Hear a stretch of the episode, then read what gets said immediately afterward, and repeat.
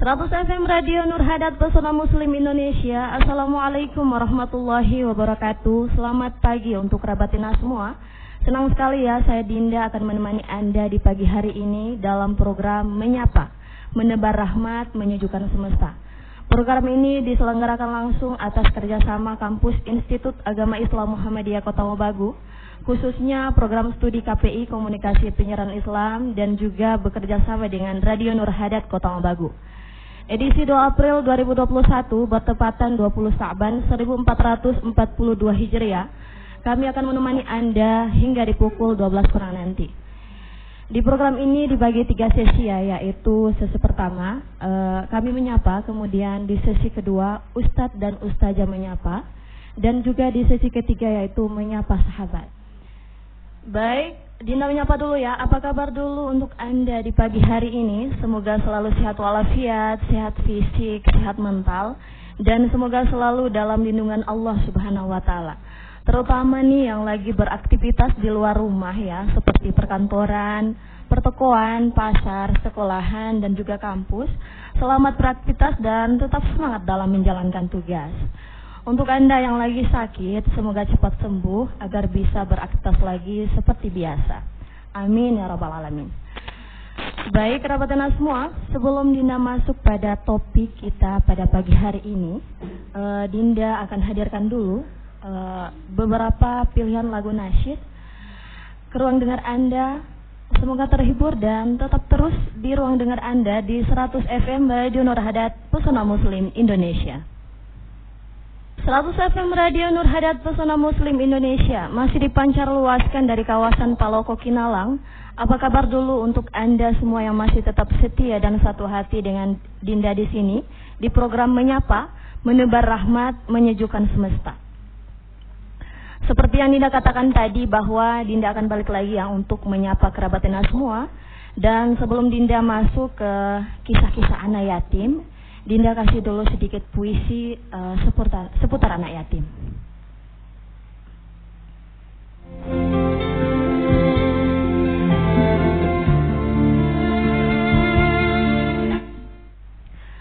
Adakah anak yatim di sekitar kita? Dan apakah kita pernah ikut serta memberi makan mereka? Atau justru kita menghardik anak yatim tersebut? Rasulullah menyuruh kita mencintai yatim piatu. Rasul sendiri waktu kecil tanpa ayah, tiada ibunda, mencintai anak yatim piatu adalah mencintai Rasul kita. Rasul menyuruh kita mencintai orang miskin. Rasul sendiri tanpa harta, dia lelaki yang sungguh miskin. Mencintai orang miskin adalah mencintai Rasul kita. Rasul menyuruh kita mencintai orang lapar. Rasul sendiri ketat ikat pinggangnya, tak pernah longgar. Mencintai orang lapar adalah mencintai Rasul kita. Rasul menyuruh kita mencintai orang-orang tergilas.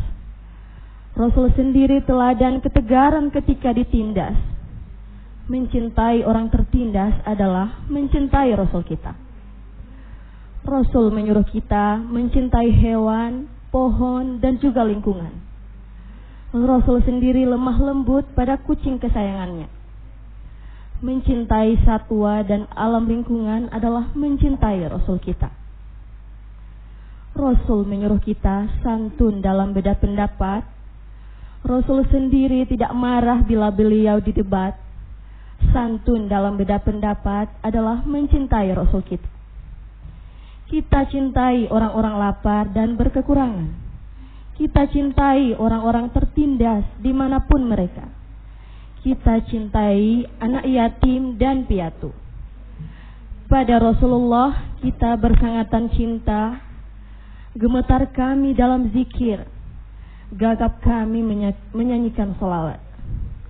Tiada cukup butir tasbih, tiada memada kosakata, dalam membalas cintanya secara sederhana.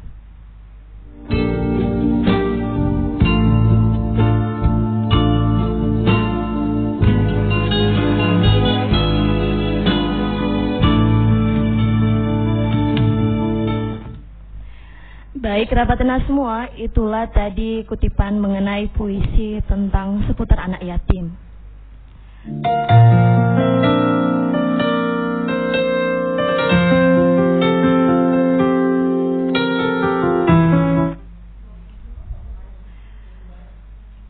100 FM Radio Nur Hadat Pesona Muslim Indonesia.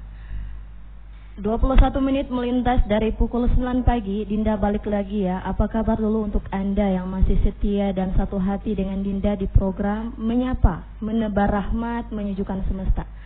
Baik kerabat semua. Tadi Dinda sudah kasih sedikit puisi tentang seputar anak yatim. Nah kali ini tidak lari dari tema ya kerabat semua Karena kita akan masuk di kisah tentang Rasulullah dan anak yatim di Madinah.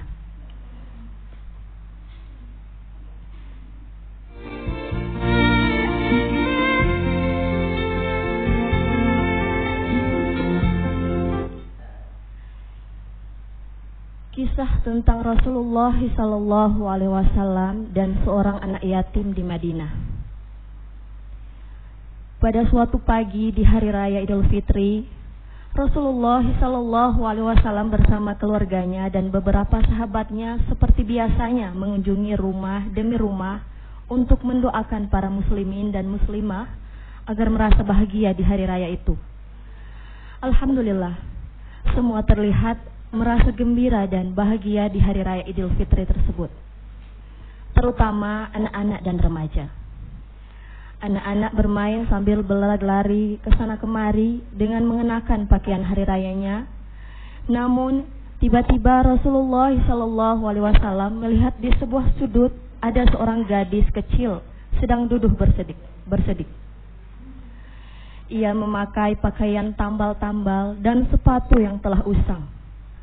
Rasulullah Shallallahu Alaihi Wasallam lalu bergegas menghampirinya Gadis kecil itu menyembunyikan wajahnya dengan kedua tangannya, lalu menangis terseduh-seduh.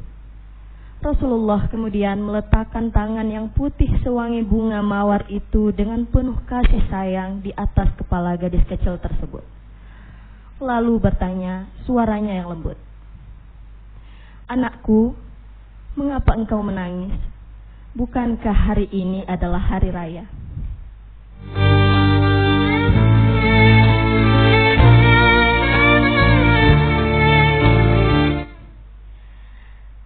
Gadis kecil itu terkejut bukan kepalang, tanpa berani mengangkat kepalanya dan melihat siapa yang bertanya.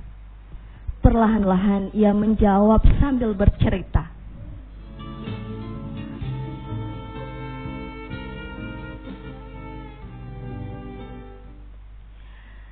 Pada hari raya yang suci ini, semua anak menginginkan agar dapat merayakannya bersama orang tuanya dan berbahagia.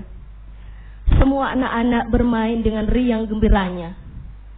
Aku lalu teringat pada ayahku. Itu sebabnya aku menangis ya Rasulullah.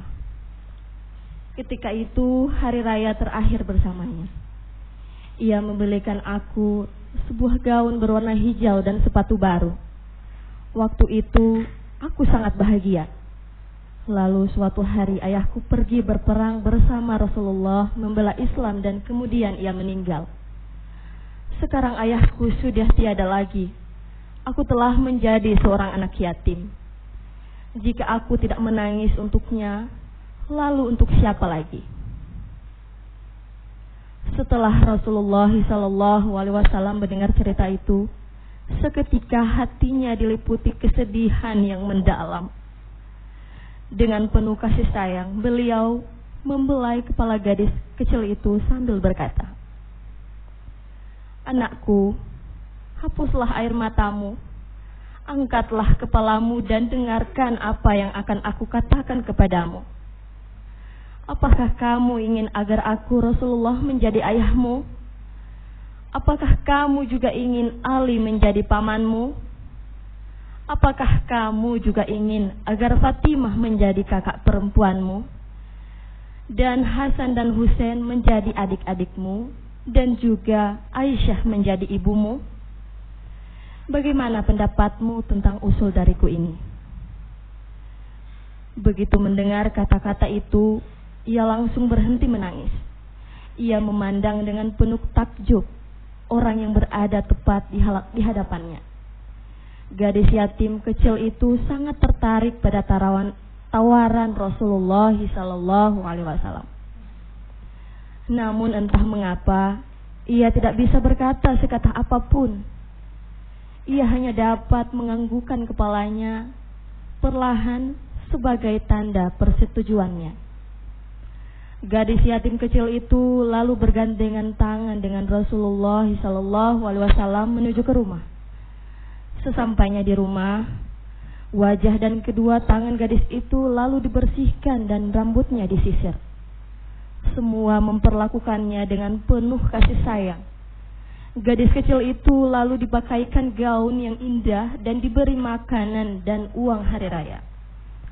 Lalu ia di antaranya gadis itu keluar agar dapat bermain bersama anak-anak lainnya. Anak-anak lain merasa iri pada gadis kecil dengan yang indah dan wajah berseri-seri itu. Mereka merasa keheranan. Lalu ia berkata, "Akhirnya aku memiliki seorang ayah.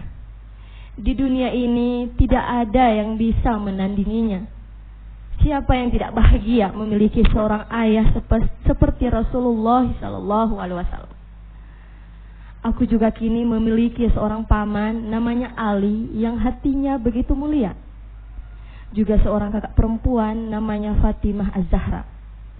Ia menyisir rambutku dan mengenakanku gaun yang indah. Aku merasa sangat bahagia dan bangga memiliki adik-adik Hasan dan Husain Aku juga memiliki seorang ibu namanya Aisyah. Kerabat semua. Dan ingin rasanya aku memeluk seluruh dunia beserta isinya.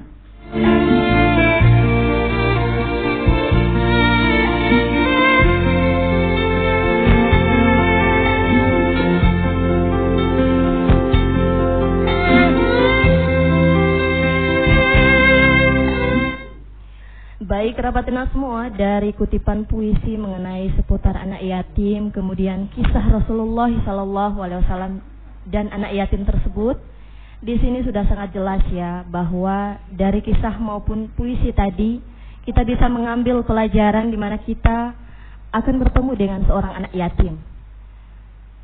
Kita harus mengayomi, menyantuni, menyayangi dan melindungi.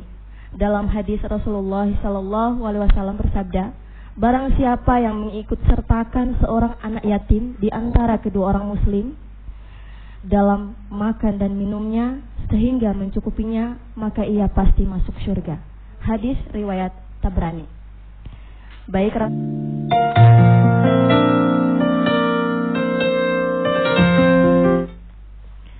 100 FM Radio Nur Hadat Pesona Muslim Indonesia. Baik kerabat semua, tidak terasa ya sudah berada di penghujung sesi. Jadi di sesi pertama ini di kami menyapa, Dinda harus pamit ya kerabat semua di program menyapa, menebar rahmat, menyejukkan semesta. Akhir kata terima kasih banyak sudah menemani Dinda di pagi hari ini.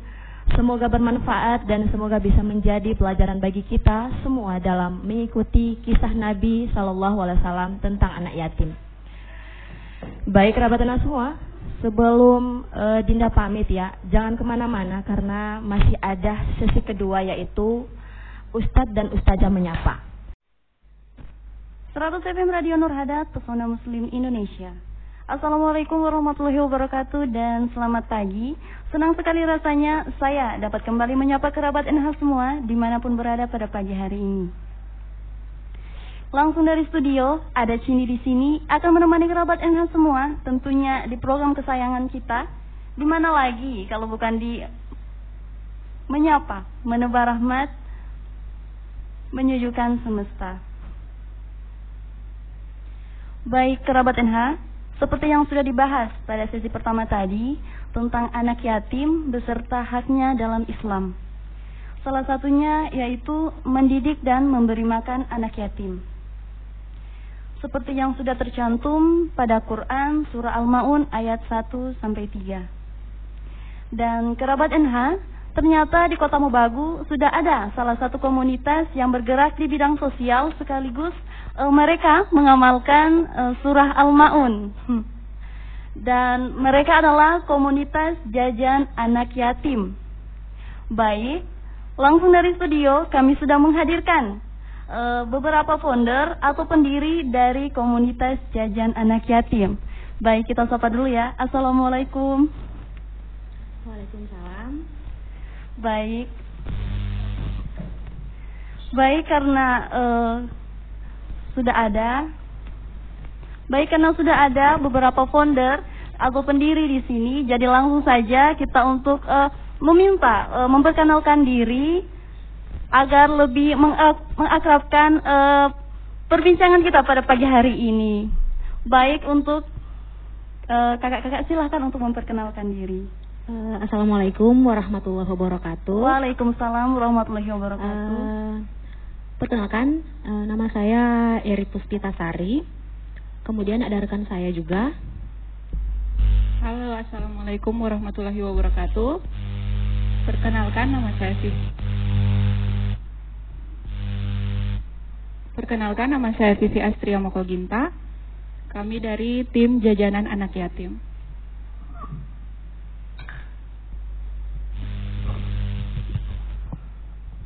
Baik, uh, ada Kak Eri Puspita di sini dan juga ada Kak Vivi di sini. Baik, uh, terima kasih ya sebelumnya Kak untuk uh, kesempatan dan waktunya uh, telah menyempatkan menghadirkan bersama kami di sini di program Menyapa, Menebar Rahmat, Menyejukkan Semesta.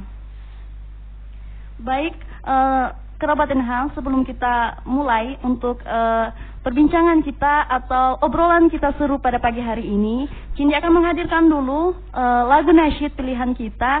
Semoga kerabat Enhang semua terhibur dan dapat menambah semangat kerabat Enhang semua pada pagi hari ini. Tetap stay di 100 FM Radio Nurhadat, Pesona Muslim Indonesia. 100 FM Radio Nurhadat, Pesona Muslim Indonesia. 45 menit melintas dari pukul 9. Apa kabar dulu untuk kalian yang masih uh, satu hati bersama kami di sini? Baik kerabat NH, uh, eh, senang sekali ya pada siang hari ini uh, Cindy dapat uh, menemani kerabat NH semua bersama kakak-kakak uh, dari founder atau pendiri uh, komunitas jajan anak yatim. Baik, uh, mungkin kerabat NH di rumah uh, sudah sangat penasaran dan bertanya-tanya apa sih itu komunitas jajan anak yatim itu? Dan langsung saja di sini karena kakak-kakak sudah ada jadi langsung kami tanyakan ya. Untuk Kak Eri dan Kak Vivi apa sih itu komunitas jajan anak yatim? Uh, jadi untuk komunitas jajan yatim untuk komunitas jajan yatim uh, sebenarnya sih adalah uh, jajan biasa mm -hmm. yang biasa orang-orang lakukan pada umumnya. Mm -hmm. Tapi bedanya jajan kali ini lebih seru karena di sini kita uh, istilahnya uh, merekrut personil baru mm -hmm. untuk jajan mm -hmm. yang biasanya kita jajan uh, bareng teman-teman atau mm -hmm. kerabat. Kali yeah. ini kita ajak anak, anak yatim. yatim. Yeah uh, biar sama-sama bisa merasakan nikmatnya Allah walaupun hanya sebatas jajaran jajanan-jajanan kecil. Masya Allah.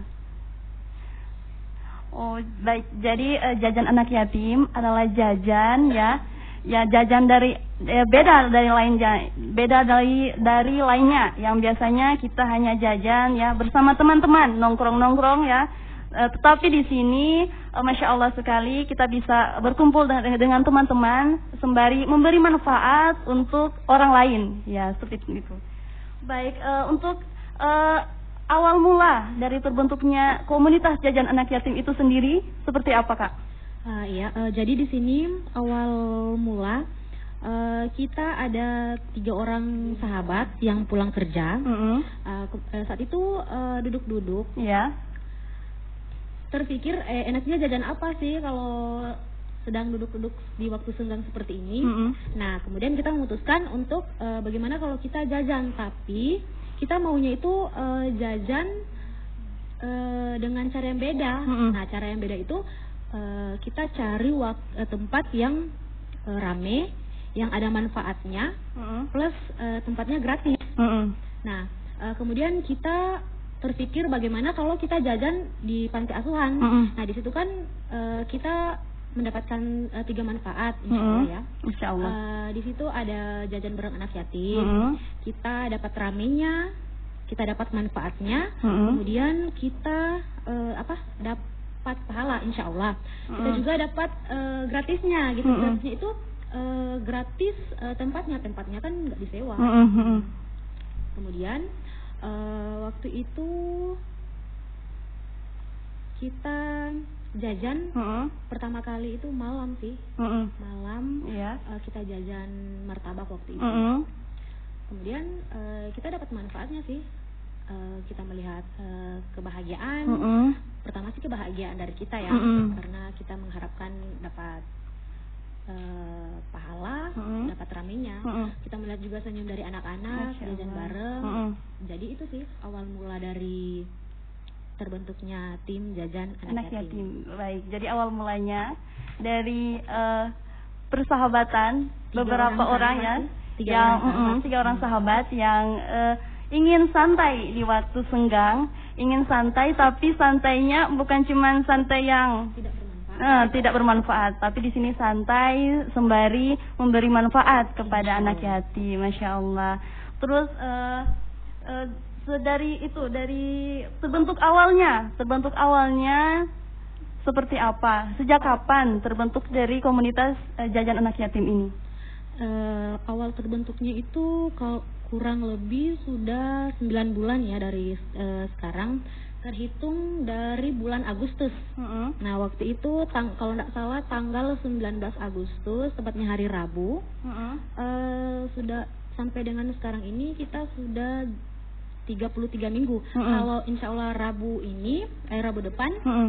kita sudah masuk di minggu ke 34. Oke, baik. Dari awal terbentuknya, dari tahun lalu Agustus, Agustus sampai sekarang iya. sudah mau masuk bulan eh sudah masuk di bulan ke, ke 9. 9. Sudah ke 34 minggu.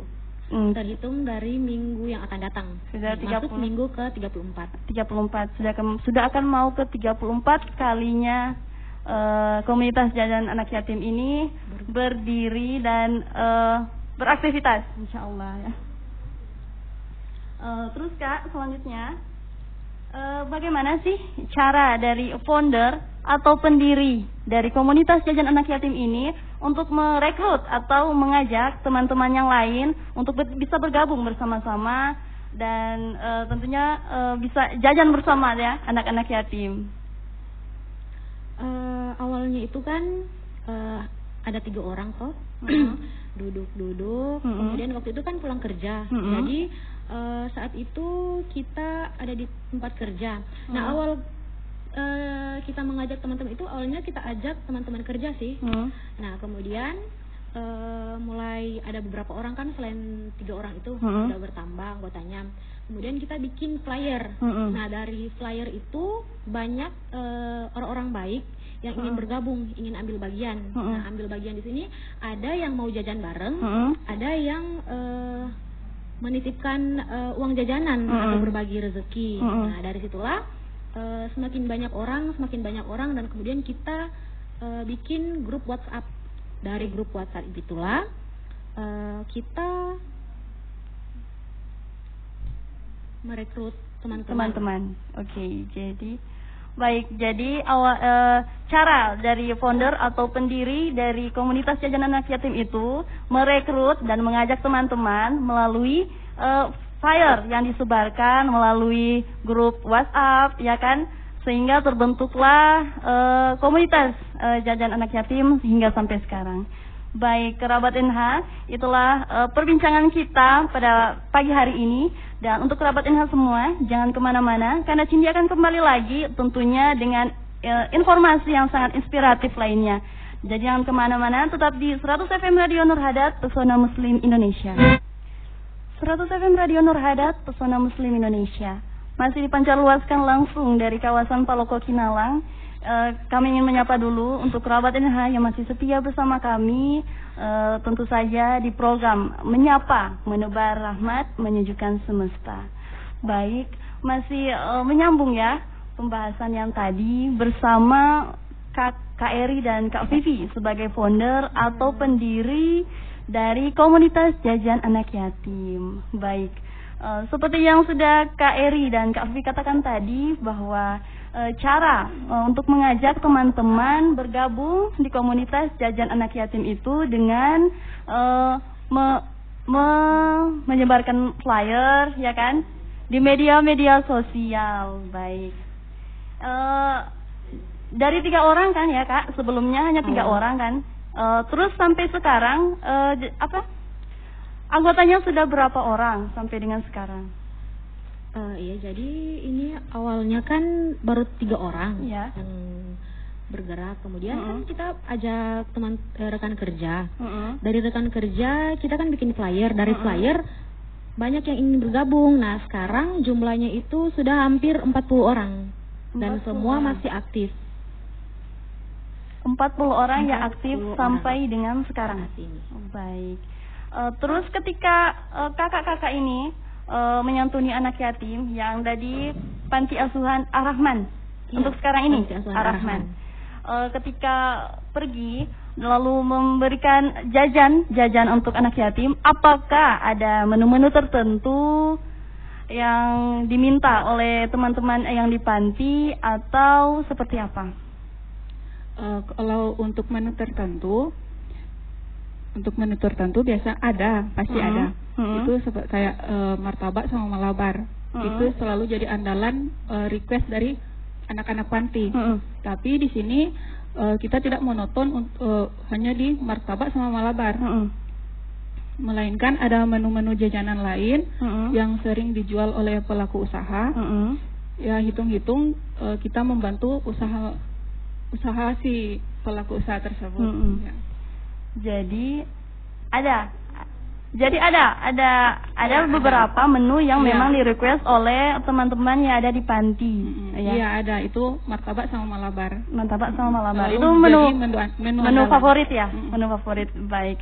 Jadi memang komunitas jajan anak yatim ini memang sangat-sangat inspiratif. Selain e, membantu teman-temannya ada di panti, juga membantu para pelaku-pelaku usaha, ya usaha kecil menengah ya. Memang sangat-sangat inspiratif sekali. Ini e, sangat-sangat e, kita contoh, butuh kita contoh sebagai e, kita generasi e, generasi muda, sangat patut untuk dicontoh. Baik. Untuk e, selanjutnya, e, ketika ketika pelaksanaan uh, komunitas jajan anak yatim, apakah ada waktu-waktu tertentu dalam pelaksanaannya? Waktu-waktu tertentu. Nah, kebetulan di sini untuk tim jajan anak yatim, kita kan uh, jajan di tiap minggunya. Mm -hmm. Nah, di tiap minggunya itu kita pilih hari Rabu sih, mm -hmm. setiap hari Rabu mm -hmm. di tiap minggunya. Mm -hmm. Nah, di situ uh, pasti Mungkin ada pertanyaan dari beberapa teman atau beberapa orang kenapa sih ya kenapa hari, hari Rabu? Rabu kenapa bukan uh, kenapa bukan hari Jumat kenapa hari Rabu uh, bukannya sunnahnya kan untuk uh, lebih lebih baik kan untuk ketika kita beramal bersedekah itu di hari Jumat kenapa kakak-kakak uh, memilih hari Rabu uh, karena pertama ya. Mm -mm. Pertama waktunya kita itu bisanya hari Rabu sih. Bisanya hari Rabu. Kemudian kita memilih untuk mengambil bagian atau mengambil keberkahan di hari lain selain mm. hari Jumat. Nah, di situ uh, kita memilih hari Rabu, kita mm. juga uh, menghindari atau mencegah insya Allah dong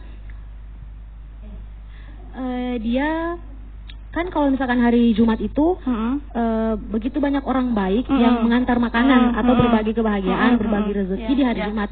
Nah, tim jajan anak yatim itu memilih di hari Rabu. Hmm. Kita mengambil bagian atau mengambil keberkahan di hari lain. Hari lain.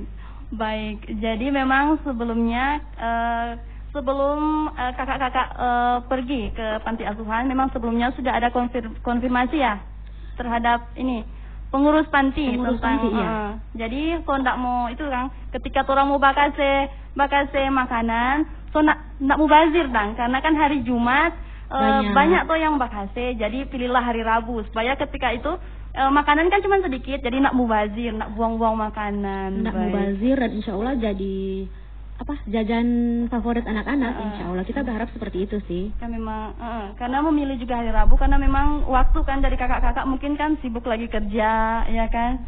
Baik untuk pelaksanaannya sendiri apakah hanya di panti saja atau atau pernah pernah e, melaksanakan di luar? Karena sempat yang lalu Cindy pernah lihat di postingan ya KRI waktu itu bersama anak-anak panti ada di salah satu tempat wisata yang ada di Boltim sana.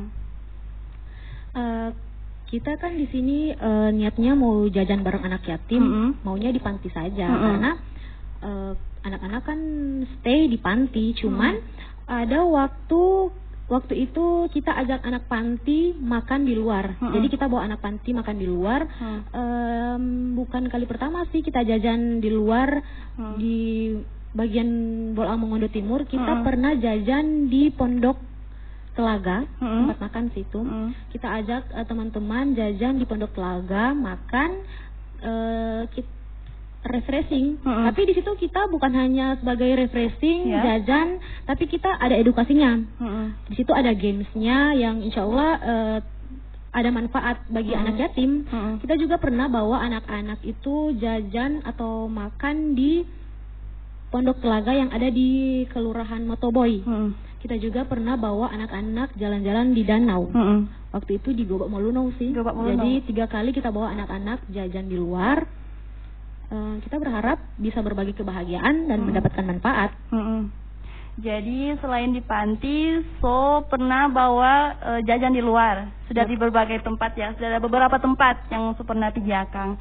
Memang uh, selain juga uh, memberi makan, di sini kakak-kakak kan memberi juga edukasi kan. Memang seperti tadi ya sudah dijelaskan pada awal. Memang uh, haknya anak yatim itu dididik dan diberi makan. Memang masya Allah untuk kakak-kakak ini ya. Semoga selalu istiqomah ya kan insya Allah, insya Allah semoga langsung eh, selalu istiqomah dan lebih banyak lagi membantukan anak-anak yatim. Lebih banyak lagi, lebih banyak lagi dan lebih banyak lagi. Baik kerabat NH, uh, kita akan jeda dulu sebentar, jangan ke mana-mana karena masih banyak lagi uh, cerita dan uh, obrolan inspiratif yang akan kami uh, sampaikan untuk kerabat Inhal semua. Jadi jangan ke mana-mana, tetap di 100 FM Radio Nur Hadat, Pesona Muslim Indonesia. 100 FM Radio Nur Hadat, Pesona Muslim Indonesia. 8 menit melintas dari pukul 10, kami sapa dulu ya. Apa kabar dulu untuk semua kerabat Inhal di mana pun berada pada uh, pagi menjelang siang hari ini. Uh, semoga kita tetap satu hati dan tentunya di program e, kesayangan kita menyapa menebar rahmat menyujukan semesta.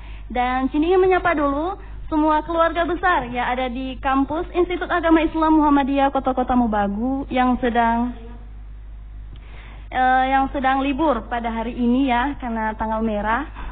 Semoga hari ini e, selalu diberikan e, kemudahan kelancaran dan kesehatan uh, untuknya untuk selalu uh, bisa melakukan aktivitas pada pagi hari ini. Baik, uh, Cindy di sini masih bersama dengan founder atau pendiri dari komunitas jajan anak yatim. Baik. Uh, seperti yang sudah dikatakan tadi ya, para para kakak-kakak yang sudah mengatakan tadi bahwa uh, uh, jajan anak yatim itu bukan hanya bukan hanya uh, berkegiatan di panti saja, tetapi uh, sudah keluar dan ber, berkegiatan di luar, berkreasi di luar. Kreasi dan edukasi uh, sih tempatnya. Uh, sudah di beberapa tempat kan, Kak. Uh, terus apakah uh, komunitas anak yatim ini hanya uh, meng, meng, meng, meng mengunjungi, masya Allah, mengunjungi mengunjungi uh, satu panti saja atau apakah ada panti-panti lain yang pernah dikunjungi? Uh, Alhamdulillah di sini tim jajan anak yatim uh, memang sih kita uh, lebih sering jajan di Panti Asuhan Arahman, tepatnya di Kelurahan Mongkonai. Tapi uh, kita juga pernah mengunjungi Panti Asuhan Pononiungan yang ada di Bolang Mongondo Induk atau di AKD. Uh, saya kurang tahu uh, itu desa apa atau kelurahan apa. uh, kita juga pernah mengunjungi panti asuhan Asyobirin yang ada di Manado. Nah, kita mengunjungi panti asuhan Asyobirin di Manado itu sudah tiga kali sih kita jajan di Manado. Sudah tiga kali. Sudah di luar kali. di luar kota Mobagu. Di luar kota Mobagu sih. Baik. baik. Uh, kan setiap setiap uh, keluar ya berkegiatan di luar ataupun di dalam panti kan tentu ada dananya. Nah, yang saya ingin menjadi pertanyaan ya untuk kita semua, e, dananya itu dari mana? Apakah hmm. hanya dari e, anggota komunitas jajan anak yatim ataukah ada yang dari lain begitu? Untuk dana, dana di sini e, tim jajan anak yatim itu awalnya sih hanya dana pribadi dari tiga orang itu, tiga orang yang awal awal, awal jajan uh, awal dibentuknya kan? Uh, awalnya itu kita jajan dengan uang 500 ribu kalau tidak salah. Awalnya? Awalnya 500 ribu. Uh, untuk minggu kedua kita jajan uh, sudah 600 ribu bertambah. Hmm. Karena ada manusia-manusia baik, kakak-kakak yang baik hati, hmm. yang ingin berbagi kebahagiaan atau berbagi rezeki. Kemudian um, di minggu ketiga kita sudah bikin flyer. Di minggu ketiga kita bikin flyer, flyer. Uh, uangnya itu terkumpul uangnya terkumpul, terkumpul, kemudian kita bisa bawa anak-anak jajan di luar. Masya Seperti Allah. itu sih uh, untuk mengumpulkan dana. Mm -mm. Ada juga dari teman-teman kerja, teman-teman kerja ada juga yang menitipkan uh, uang jajanan mm -mm. dengan uang tunai. Mm -mm. Nah di sini juga kita tidak membandrol uh, berapa sih yang harus disedekahkan? Uh, uh, uh. Memang sih kita tulis di flyer misalkan jajannya itu lima ribu rupiah. Uh, uh. Ada nah, minimal kan minimal uh, harga minimal minimal lima ribu rupiah. Tapi tidak menutup kemungkinan ada yang misalkan mau uh, berbagi rezeki itu di bawah lima ribu rupiah ya kita terima. Uh. Di bawah lima ribu rupiah ada yang mau titip jajan lebih dari lima ribu ya kita terima. Uh, uh. Jadi ada juga yang e, berbagi rezeki itu, masya Allah ya, hmm. sampai satu juta, ada masya yang sampai tiga juta lima ratus. Masya Allah. Jadi, Jadi kita jajan itu tuh e, tidak melulu jajan sih ya. Mm -mm. Kita juga pernah beli mukena mm -mm. sama beli sarung sarung sarung untuk sholat sarung untuk sholat. Masya Allah. Jadi jadi e, dana yang dikumpulkan itu bukan hanya berasal dari e, anggota komunitas jajan anak yatim, tetapi juga ada yang dari luar, donatur-donatur dari luar yang e, memberikan dengan ikhlas, masya Allah. Dan juga dananya bukan hanya dipakai untuk jajan saja, tetapi dipakai untuk keperluan dari e, anak yatim itu sendiri, seperti sarung, e, mukena, masya Allah sekali seperti itu. Baik, e, selama e, dari tahun lalu ya sampai sekarang uh, apakah kan netizen kan? Netizen orang-orang netizen. Apakah selama selama uh, kakak-kakak berkegiatan apakah pernah ada yang uh, tanggapan negatif ya? Tetap kan tetap kan ada kan tanggapan negatif dari orang-orang? Apakah selama ini ada yang menanggapi negatif seperti itu? Oh, untuk tanggapan negatif uh, alhamdulillah sampai sekarang kita belum mendengar langsung mm -hmm. dan insya Allah itu dijauhkan mm -hmm. karena itu kan uh, tanggapan negatif ya kita berharap yang masuk itu hanya tanggapan positif yang insya Allah bisa membangun tim jajan anak yatim mm -hmm. untuk lebih baik lagi mm -hmm. dan kalaupun ada tanggapan negatif dari masyarakat itu uh, e, tentunya kakak-kakak tidak akan me mendengarkan ya kan? Karena niat dari awal untuk kakak-kakak itu memang untuk membantu dan mengayomi para adik-adik kita yang ada di panti asuhan Ar-Rahman. Baik. Dan e, tentunya kakak-kakak semua yang ada di komunitas jajan, jajan anak yatim mempunyai harapan untuk ke depannya ya kan harapannya itu seperti apa untuk ke depannya untuk komunitas jajan anak yatim ini? Untuk harapan dari tim jajan anak yatim itu mm-hmm. uh, ada dua harapan sih. Mm-hmm. Yang pertama itu uh, semoga bisa memberikan inspirasi mm -hmm. bagi banyak orang mm -hmm. agar bisa melakukan banyak kegiatan sosial yang bermanfaat mm -hmm. dan bisa merangkul anak yatim mm -hmm. yang ada di uh, BMR khususnya. Mm -hmm. Yang kedua tuh uh, kita berharap semoga jajanan anak yatim atau tim jajan anak yatim ini uh, lebih diterima, hmm. lebih dikenal hmm. uh, untuk uh, banyak orang, lebih dikenal agar uh, banyak yang ingin bergabung. Semoga sih uh, dengan banyaknya orang yang bergabung. ingin bergabung, kita bisa uh, mengunjungi lebih banyak panti, hmm. tidak di tidak monoton di uh, satu panti, dua atau tiga panti, tapi hmm. insya Allah kita bisa uh, mengunjungi banyak panti asuhan hmm. seperti itu. Baik, jadi insya Allah untuk ke depannya ya harapan dari kakak-kakak uh, agar uh, komunitas ini dapat lebih berkembang lagi, anggotanya lebih bertambah lagi, agar kakak-kakak uh, dapat menyantuni uh, panti, bukan hanya satu panti, tapi uh, uh, harapannya uh, panti di seluruh Indonesia, lebih khusus lagi di Sulawesi Utara. Insya Allah.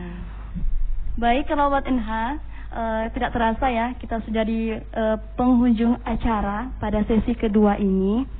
Dan uh, untuk kerabat NH semua, terima kasih karena uh, setia mendengarkan kami selalu pada sesi kedua ini. Untuk kerabat NH, uh, itulah obrolan seru pada pagi hari ini uh, bersama founder atau pengurus atau pendiri anak yatim dari komunitas yang menyantuni anak yatim yaitu komunitas jajan anak yatim.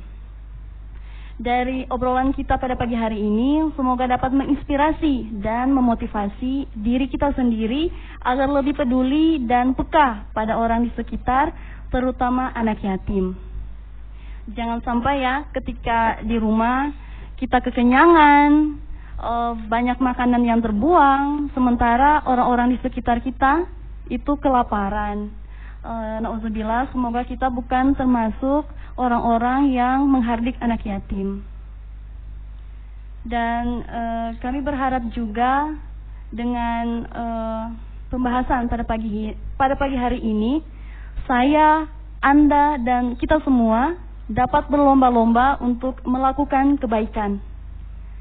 Dan kami dan kami juga uh, mendoakan untuk uh, komunitas jajan anak yatim ini agar dapat terus berkembang dan uh, dapat selalu mengayomi anak-anak yatim piatu di seluruh Indonesia, lebih khususnya yang ada di Sulawesi Utara. Baik kerabat enak semua, kita sudah berada ya di penghujung acara pada sesi kedua ini. Saya dan juga Mbak Eri di sini, ada juga Mbak Vivi di sini akan pamit undur diri.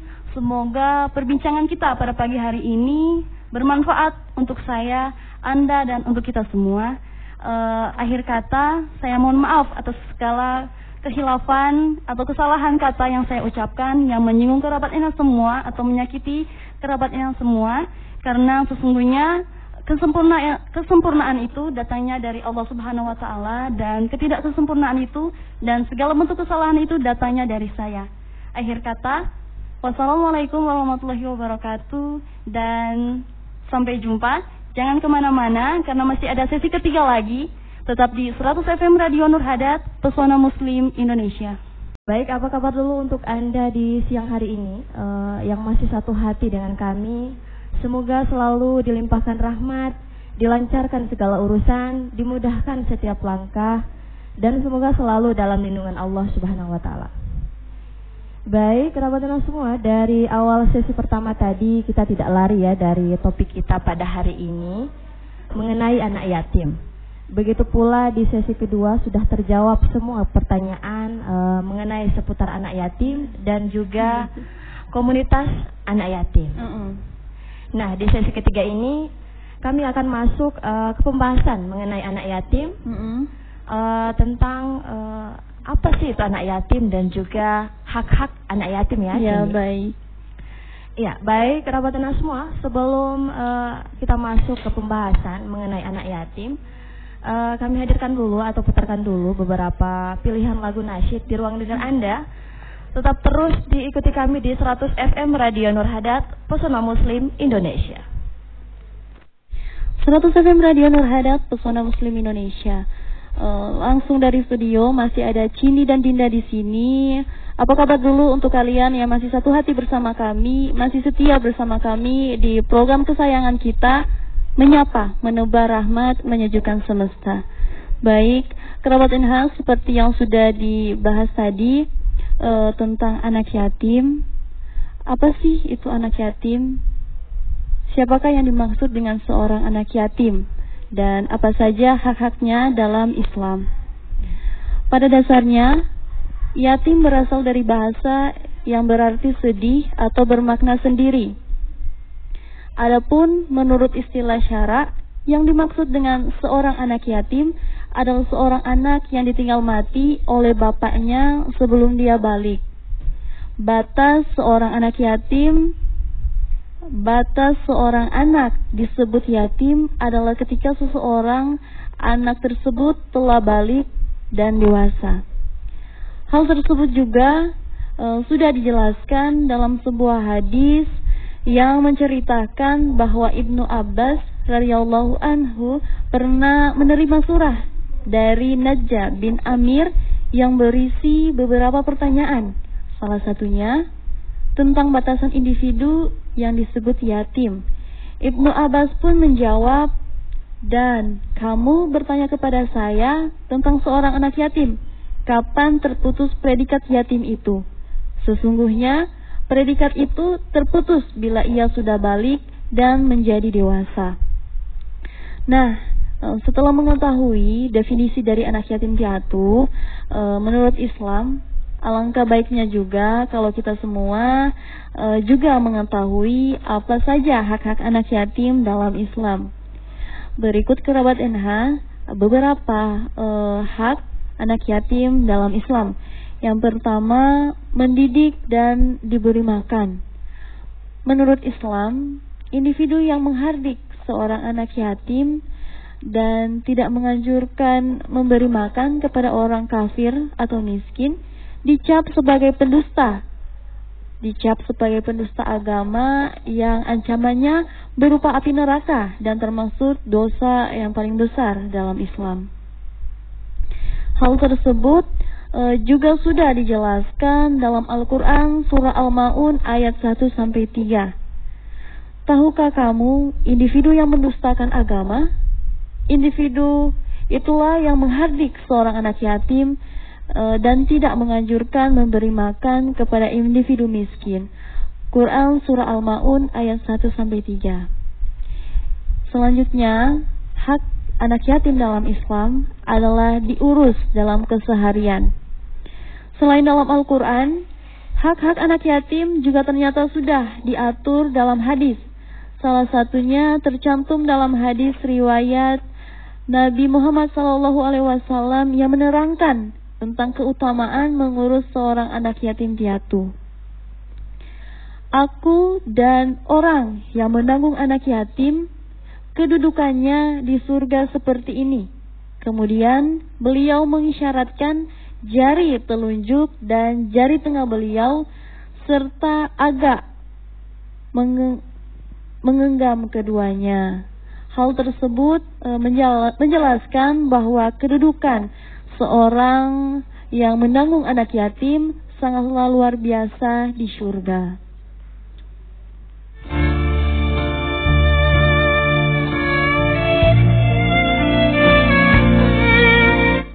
Baik kerabat NH, itulah beberapa hak anak yatim dalam Islam. Kerabat NH, dan e, kami akan kembali lagi sesaat lagi. Kami hadirkan dulu lagu nasyid pilihan kami untuk menghibur kerabat NH semua pada pagi menjelang siang hari ini. Jangan ke mana-mana, tetapi 100 FM Radio Nur Hadat, Pesona Muslim Indonesia. 100 FM Radio Nur Hadat, Pesona Muslim Indonesia masih dipancar luaskan langsung dari kawasan Paloko Kinalang, masih bersama Cindi dan Dinda di sini ya. uh, akan menemani kerabat yang semua hingga pukul 12 kurang nanti. Ya, betul sekali. Baik, kami ingin menyapa dulu semua teman-teman yang ada di Institut Agama Islam Muhammadiyah Kota Mobagu yang sekarang ini sedang mendengarkan kami tentunya di program yang sangat kita nantikan ini menyapa, menebar rahmat, menyejukkan semesta. Dan tidak lupa juga kami ingin menyapa uh, para dosen yang ada di kampus IAI Muhammadiyah. Ada Bapak Rektor di sana, Bapak Haji Samsu Bahri. Yeah. Dan juga ada Ibu Warek, dan Warek, juga ada Ibu eh, Warek dua, wakil rektor satu uh -uh. dan ada wakil rektor dua. Uh -uh. Wakil wakil rektor dua di sana ada Ustadz Mahmudin Kobandaha, Magister Pendidikan dan juga wakil rektor dua uh, Detranda Haja Hartati Maango. Uh Selamat praktis ya Ibu dan, dan juga Ustadz. Dan tidak lupa juga saya ingin menyapa dosen kami tercinta yaitu Ibu Haslinda. Ya, yang sudah membimbing kami hmm, sampai dan sekarang ini. Terima kasih banyak. Uh, dan juga tidak lupa juga kami ingin menyapa pembimbing kami uh, Pak Ustadz Julianto dan juga kaprodi kami yang bersama kami di studio ini ada ya. uh, Ibu Eka Dona. Iya, Ibu Eka Dona sebagai kaprodi uh, -hmm. Usuludin ya. -hmm. Iya. Dan tidak lupa juga uh, Cindi ingin menyapa semua tim jajan anak yatim, semua anggota yang ada di komunitas Jajan Anak Yatim dan semoga kita selalu istiqomah ya, selalu iya. dapat ya. membantu lagi, ya. membantu banyak uh, anak yatim piatu yang ada di panti asuhan, bukan hanya yang ada di Kota Mobagu, tetapi semoga dapat membantu lagi uh, panti asuhan yang di luar Kota iya, Mobagu, ya, betul bahkan kalau boleh se Indonesia. Ya, Amin. Kalau boleh. Ya baik. Uh, Dinda menyapa dulu ya, tidak lupa juga Dinda hmm. mau ingin menyapa juga Cindy. Hmm.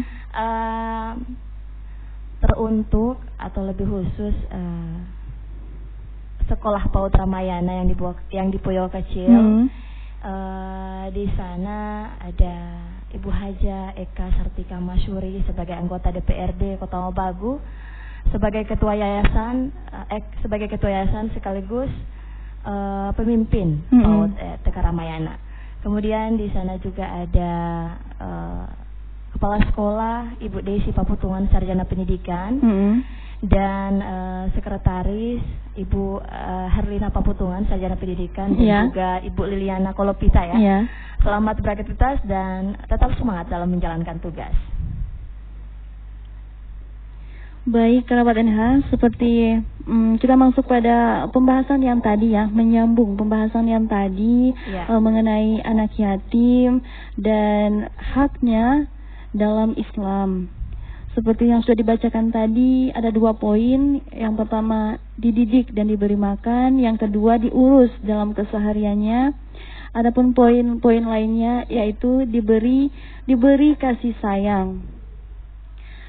Tak hanya hanya menafkahi lahirnya e, sebagai sesama muslim, kita juga harus memberi kasih sayang kepada anak yatim. Hal tersebut juga sudah dijelaskan dalam hadis riwayat Abu Khairah radhiyallahu anha.